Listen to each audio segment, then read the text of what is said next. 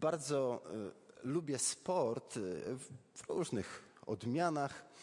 Mm, pamiętam y, czasy, kiedy biegałem maratony w Gdyni, Gdynia Gdańsk i pamiętam pewną panią, która wyglądała na moją babcię spokojnie, która biegła maraton. Miała 84 lata.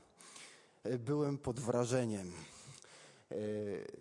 rzeczywiście kogoś, kto, kto tak potrafi. Bywam na siłowni i czasami patrzę, jak mężczyźni w szatni bywają pod wrażeniem siebie we własnym, znaczy odbiciu w lustrze.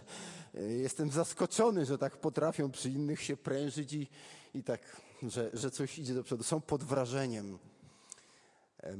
Nie wiem, czy pamiętacie film Przełęcz Ocalonych.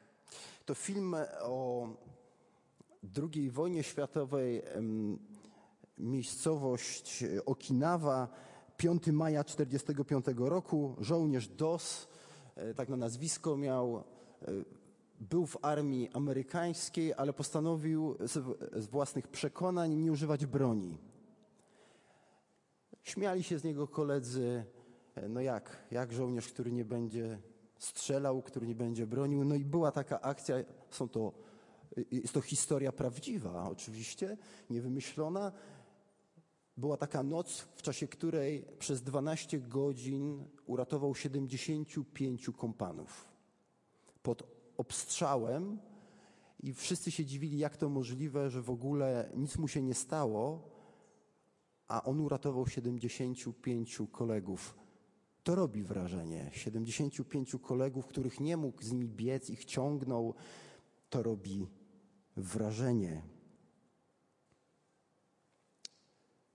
Wrażenie to takie doświadczenie intensywnych, pozytywnych uczuć pod wpływem kogoś, jakichś wydarzeń, jakichś rzeczy. I dziś chciałbym zaprosić nas do przyjrzenia się, co zrobiło i co robiło wrażenie na królu Dawidzie. Co takiego na nim robiło wrażenie? Przeczytamy fragment z drugiej księgi Samuela z siódmego rozdziału od 17 do 29 wersetu. Druga księga Samuela, siódmy rozdział od 17 do 29 wersetu. Gdy Natan powiedział Dawidowi wszystko zgodnie z tymi słowami i zgodnie z całym tym objawieniem, poszedł król Dawid i usiadł przed Panem i rzekł: Kim ja jestem, Panie Boże? A czym jest mój dom, że doprowadziłeś mnie aż dotąd? Ale mało to jeszcze było w Twoich oczach, Panie Boże, gdyż rozciągnąłeś na dom Twojego sługi obietnice Twoje na daleką przyszłość i dałeś mi oglądać przyszłe pokolenia ludzkie, Panie Boże. Cóż wtedy ma Ci jeszcze Dawid do powiedzenia? Przecież Ty znasz Twego sługę, Panie Boże. Ze względu na swoją obietnicę i zgodnie ze swoim sercem uczyniłeś wszystkie te wielkie rzeczy, aby je poznał Twój sługa. Dlatego wielki jesteś, Panie Boże, bo nikt nie jest taki jak Ty. I nie ma Boga oprócz Ciebie we wszystkim, co słyszeliśmy na własne uszy. A który lud jest jak Twój, jak Izrael? Jedyny naród na ziemi, dla którego Bóg wyruszył, by go sobie wykupić jako lud aby mu nadać imię i dokonać dla nich tych wielkich i strasznych rzeczy, wypędzając narody i ich bogów sprzed Twojego ludu, który sobie wykupiłeś z Egiptu. I ustanowiłeś sobie swój lud izraelski jako swój lud na wieki. A Ty, Panie, jesteś ich Bogiem. Teraz więc Panie Boże, potwierdź na wieki obietnicę, którą wypowiedziałeś o swoim słudze i o jego domu i uczyń, jak powiedziałeś. A imię Twoje będzie wielkie na wieki, aby mówiono, Pan zastępów jest Bogiem nad Izraelem, a dom Twojego sługi Dawida będzie utwierdzony przed Tobą. Gdyż Ty, Panie zastępów, Boże Izraela, objawiłeś uszom Twojego sługi, mówiąc: Zbuduję Ci dom. Dlatego Twój sługa nabrał otuchy, aby pomodlić się do Ciebie tymi słowy. Teraz, o Panie Boże, Ty jesteś Bogiem, a słowa Twoje są prawdą. Ty obiecałeś Twemu słudze to dobrodziejstwo. Zechciej więc pobłogosławić dom sługi Twego, aby trwał na wieki przed Tobą, bo Ty, Panie Boże, to obiecałeś i błogosławieństwem Twoim pobłogosławiony będzie dom Twojego sługi na wieki. Czytamy, że gdy Natan powiedział Dawidowi wszystko zgodnie z tymi słowami, to oczywiście reakcja Dawida na to, co przed chwilką usłyszał. Najmłodszy w rodzinie pasterz owiec, kiedy był na dworze Saula, wiedział, że nie znaczy tam nic. Widzimy to w sytuacji, kiedy Saul podstępnie proponuje za żonę, żeby wziął Dawid sobie jego z jednych córek, a on mówi, kimże ja jestem, kim mój dom. Więc ma świadomość swojego braku jakiejś pozycji na dworze.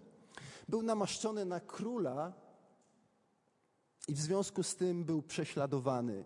Musiał wiele wycierpieć i błąkać się i po pustyni udawać ubłąkanego. Zmagał się z tego tytułu, właśnie z tego powodu, e, z ciągłą wrogością Saula.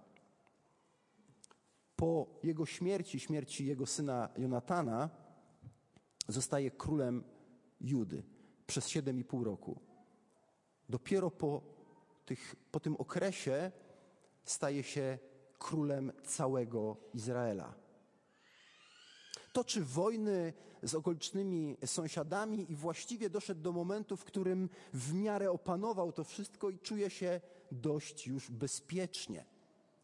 Sam mieszka w eleganckiej, powiedzielibyśmy, w willi, w pięknym domu i wpada na pomysł. No ja mieszkam w pięknym domu, a Arka Przymierza jest w namiocie. I mówi to do proroka Natana, a prorok, zrób, co masz na sercu, Dawidzie. Zrób to.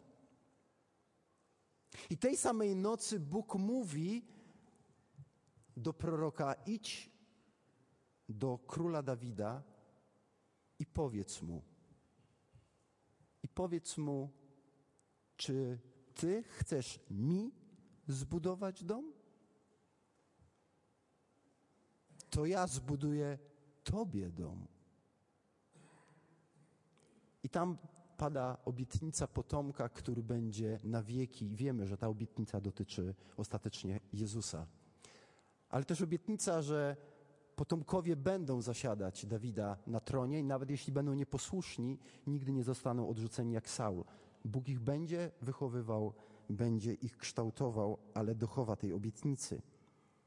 Więc kiedy Dawid usłyszał tą odpowiedź, właśnie wtedy poszedł Ciekawe to opis, ten opis jest. I usiadł przed Panem. Jak myślicie, co to znaczy, że poszedł i usiadł przed Panem? To piękny opis pewnej relacji, jaką miał z Bogiem. On po prostu poszedł porozmawiać, poszedł powiedzieć coś Bogu.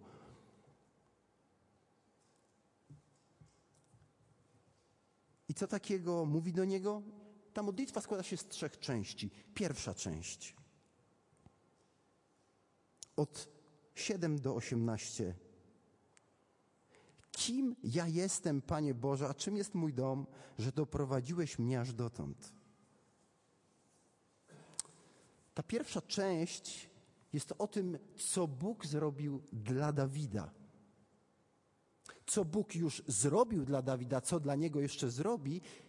I tak naprawdę opowiada nam ta modlitwa o tym, jakie to zrobiło wrażenie na Dawidzie jakie to zrobiło na nim wrażenie.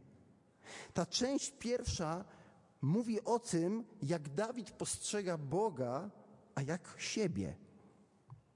Kim jestem? Myślę, że to jest w ogóle bardzo ważne pytanie. Kim jestem? To pytanie, które w naszej kulturze wielu ludzi próbuje znaleźć odpowiedź na to pytanie, a nie znajdując, bardzo męczy się w życiu. Kim jestem?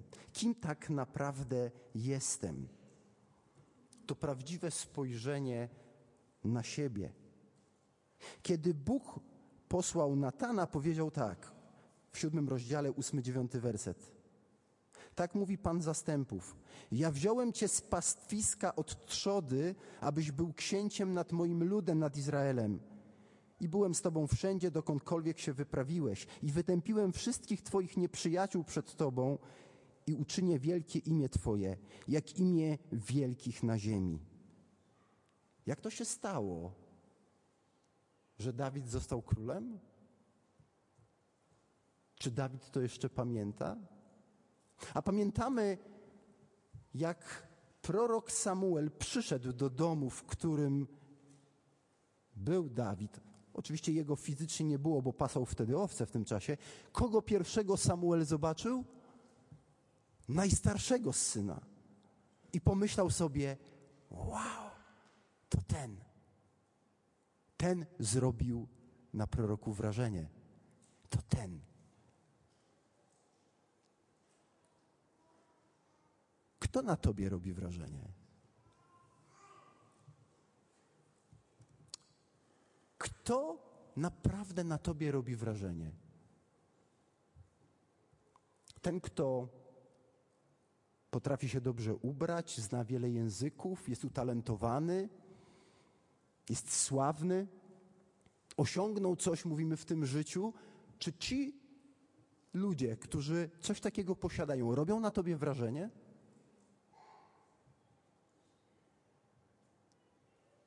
A rodzice, którym udało się wychować wspaniale dzieci, które coś znaczą, może mają świetne kariery, czy to robi na tobie wrażenie? A odwróćmy to pytanie. A co nie robi na tobie wrażenia? Może samemu masz porażki w życiu, doświadczasz trudnych konsekwencji wyborów, może coś ci się nie udało i to nie robi na tobie wrażenia. I może myślisz o kimś, komu się udaje, i to w zestawieniu z tą osobą,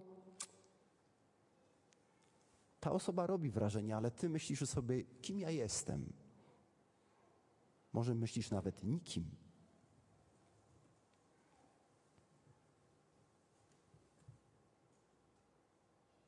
Tamtym roku zmarł Timothy Keller. Ktoś przesłał mi tłumaczenie wypowiedzi Johna Stota. To była jedna prawdopodobnie z ostatnich rozmów Johna Stota z Timothy Kellerem. To tłumaczenie prawdopodobnie nie jest najlepsze, ale przeczytam je tak, jak je otrzymałem. Bazując na ostatniej wymianie e-maili, którą Tim i ja mieliśmy, czyli John Stott i Tim Keller, jest coś, co myślę, że chciałby on, abym powiedział młodszym pastorom, może młodszym wszystkim. Ucztowaliśmy razem w Ewangelii Łukasza w dziesiątym rozdziale, w wersecie dwudziestym, gdzie Jezus odpowiada siedemdziesięciu dwóm uczniom, jak powrócili ze swojej służby i są przepełnieni radością, że demony są im podległe. I Jezus odpowiada: Nie radujcie się z tego, że duchy są wam podległe. Radujcie się w tym, że wasze imiona są zapisane w niebie. I Tim przypomniał mi, że Martin Lloyd Jones odnajdywał w tym więcej pocieszenia, kiedy umierał, niż w jakimkolwiek innym tekście. Moje imię jest zapisane w niebie. Zatem to jest to, co myślę, że Tim chciałby, żebym powiedział. Za wszelką cenę rób swoją biblijną egzegezę. Za wszelką cenę rób swoją kulturową egzegezę. Za wszelką cenę głoś Słowo Boże z całego swojego serca. Za wszelką cenę kochaj swój Kościół, troszcz się o trzodę. Ale w tym wszystkim, ponad tym wszystkim, bądź bardziej zachwyconym, że jesteś zbawiony, niż tym, że odnosisz sukces. Rozkoszuj się bardziej w zbawcy niż w jego służbie. To jest to, co myślę, że Tim Keller chciałby, żebym powiedział. Co robi na tobie wrażenie? Umiejętności, obdarowanie, władza, zdolności, to, co wychodzi ci, to robi na tobie wrażenie, tym, którym się udaje, to robi na nas wrażenie. Robi. Musimy powiedzieć sobie, tak, jest, to robi na nas wrażenie. Tak jak uczniowie wyrzucali demony, uzdrawiali i to zrobiło na nich wrażenie. Wow, potrafimy. Potrafimy to. A Jezus im powiedział: Wiecie co? Nie z tego raczej się cieszcie, ale że dobry Bóg, Ojciec, przyjął was do swojej rodziny, że jesteście Jego dziećmi, że wasze imiona są zapisane w niebie. To robi wrażenie. Kiedy Dawid modli się, mówi: Panie, kim ja jestem? Kim ja jestem, że mnie doprowadziłeś aż dotąd, że uczyniłeś mnie królem? Kim ja jestem? Dawid jest pod, wrażne, pod wrażeniem, uznaje i docenia Boży wybór, Bożą chwałę, Bożą moc doprowadzenia go do bycia królem Izraela. On jest pod wrażeniem tego, co Bóg obiecał mu na przyszłe pokolenia. Czy ten Bóg robi na tobie wrażenie? Czy kiedy budzisz się rano, to ten Bóg robi na tobie wrażenie? Że jesteś w swoim życiu w miejscu, w którym ten Bóg robi wrażenie. Kiedy Paweł, apostoł, pisał drugi list do Tymoteusza, w tym drugim liście widzimy, że Tymoteusz jeszcze bardziej upadał na duchu, jeszcze ciężej mu było w życiu, był naprawdę zniechęcony. I cały pierwszy rozdział apostoł Paweł nie pisze do niego: Tymoteuszu, zepnij się, napnij bardziej, jeszcze więcej, zrób sobie taką wizualizację, jaki jesteś dobry, jaki jesteś potężny, wyobrażaj sobie, co potrafisz. Nie. W tym pierwszym rozdziale mówi mu o tym, co Bóg zrobił dla niego. Że wybrał nas, że dał nam ducha mocy, trzeźwego myślenia. Tymoteuszu, zobacz, czym cię obdarzył Bóg. Bądź pod wrażeniem Jego. Bądź, bądź pod Jego wrażeniem. Jak to się stało, że możesz do Boga powiedzieć Ojcze? że budzisz się rano, że jesteś tu dziś i możesz do Boga powiedzieć: Ojcze, tato, jak to się stało? Czy to robi na tobie wrażenie? Przecież nie wypracowaliśmy tego własnymi rękoma. Może myślimy o tym, co nam się udaje w życiu pobożności. To dobrze, że nam się coś udaje. Ale kto za tym stoi? Kto jest tym, kto nas rzeczywiście czyni takimi zdolnymi do takich dobrych rzeczy? Kim jest ten, który obiecał, że cię nie porzuci ani nie zostawi? Kim jest ten, który pomimo naszych grzechów, egoizmu, upadku i zachwycania się nie nim, ciągle przychodzi do nas i odnawia nas? Kim jest On? jak bardzo potrzebujemy zachwycić się Nim. I Bóg w tej modlitwie Dawida, w tej części, ten Bóg jest tym, który ostatecznie decyduje o losach człowieka, o losach Dawida. Ten Bóg decyduje o moim i Twoim losie. Ten Bóg widzi, co będzie za tysiąc lat, i widzi, co będzie jutro, i widzi, co będzie za godzinę. Ten Bóg, jak to Dawid mówi, przecież Ty znasz swego sługę, przecież Ty nas dobrze znasz. To jest ten Bóg, który naprawdę przenika nas i wie tak wiele o nas.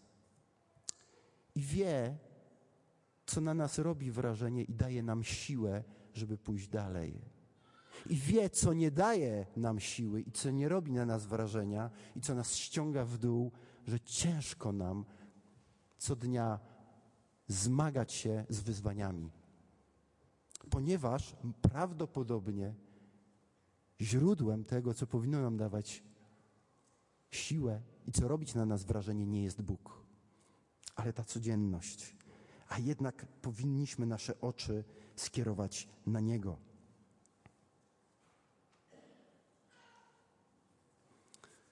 Księga Samuela została napisana nie dla Dawida. Jego już nie było, kiedy ją spisano. Dla kogo ją spisywano? Dla Izraelitów, którzy wracali z niewoli babilońskiej. Dawid w tej opowieści jest zwycięzcą, jest już królem, coś osiągnął. A jeśli spojrzymy na Izraelitów, którzy wracają z niewoli babilońskiej do czego? Do świątyni, która już nie wygląda jak ta piękna za Salomona, do domów, pól, które są zrujnowane. Oni wracają wygnani z powodu swoich grzechów, a jednak doświadczają łaski, że mogą na powrót wrócić. Kiedy oni czytali ten tekst, kiedy oni słyszeli tę modlitwę Dawida, kto robił na nim wrażenie, uczyli się, kto na nich powinien zrobić wrażenie jako Bożym narodzie. I to jest ta druga część, w której Dawid mówi: Dlatego wielki jesteś, Panie Boże, bo nikt nie jest jak Ty. I nie ma Boga oprócz Ciebie na, we wszystkim, co słyszeliśmy na własne uszy. A który lud jest jak Twój, jak Izrael? Jedyny naród na ziemi, dla którego Bóg wyruszył by go sobie wykupić jako lud, nadać mu imię i dokonać tych wielkich i strasznych rzeczy. Nie ma takiego, nie istnieje inny, który by wyruszył, który byłby zaangażowany, któremu by zależało, który by dostrzegał ludzi i coś dla nich zrobił. To słowo wykupił To słowo opisuje Goela z czasów Mojżesza, kiedy powstawało prawo. To był ktoś taki, że jeśli mam brata, który popadł w ruinę albo dostał się do niewoli z powodu kłopotów finansowych, to ja miałem obowiązek, przywilej, obowiązek wykupić go Powinienem się nim zainteresować. Powinienem zapłacić cenę za jego wolność. Z własnych pieniędzy, z tego co posiadam, zrobić to dla niego. I tym wyrażeniem opisany jest Bóg, że Bóg wykupił sobie lud. I tym sformułowaniem w Nowym Testamencie jest opisany Bóg, człowiek, Jezus który przyszedł wykupić sobie lud. W drugim tytu, przepraszam, w liście do Tytusa 2,14 czytamy o Jezusie, który dał samego siebie za nas, aby nas wykupić od wszelkiej nieprawości i oczyścić sobie lud na własność, gorliwy w dobrych uczynkach. A Piotr, apostoł, pisząc do tych, którzy uciekali z powodu prześladowań do wierzących, napisał w pierwszym swoim liście 1,18 Wiedząc, że nie rzeczami znikomymi, srebrem albo złotem zostaliście wykupieni z marnego postępowania waszego, nie rzeczami znikomymi. Ten Bóg stał się człowiekiem, by wykupić nas z niewoli i wprowadzić do swojego domu. Ten Bóg postanowił uczynić z ludzi swoją rodzinę ten Bóg dwa tysiące lat temu stał się człowiekiem i oddał życie na krzyżu za mnie, za ciebie, by nas wykupić z niewoli. Nie musiał tego robić. Nie zrobił tego dlatego, że go o to prosiliśmy. On naprawdę widział mnie i ciebie i zrobił to. Czy taki Bóg, wykupiciel, robi na nas wrażenie? Czy Boży lud, jakim jest Kościół, patrząc na tego Boga, to ten Bóg robi na nas wrażenie?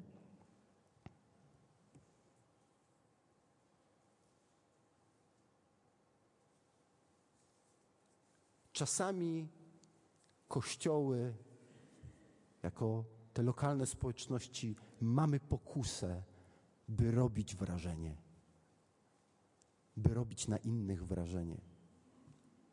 Pięknymi wydarzeniami.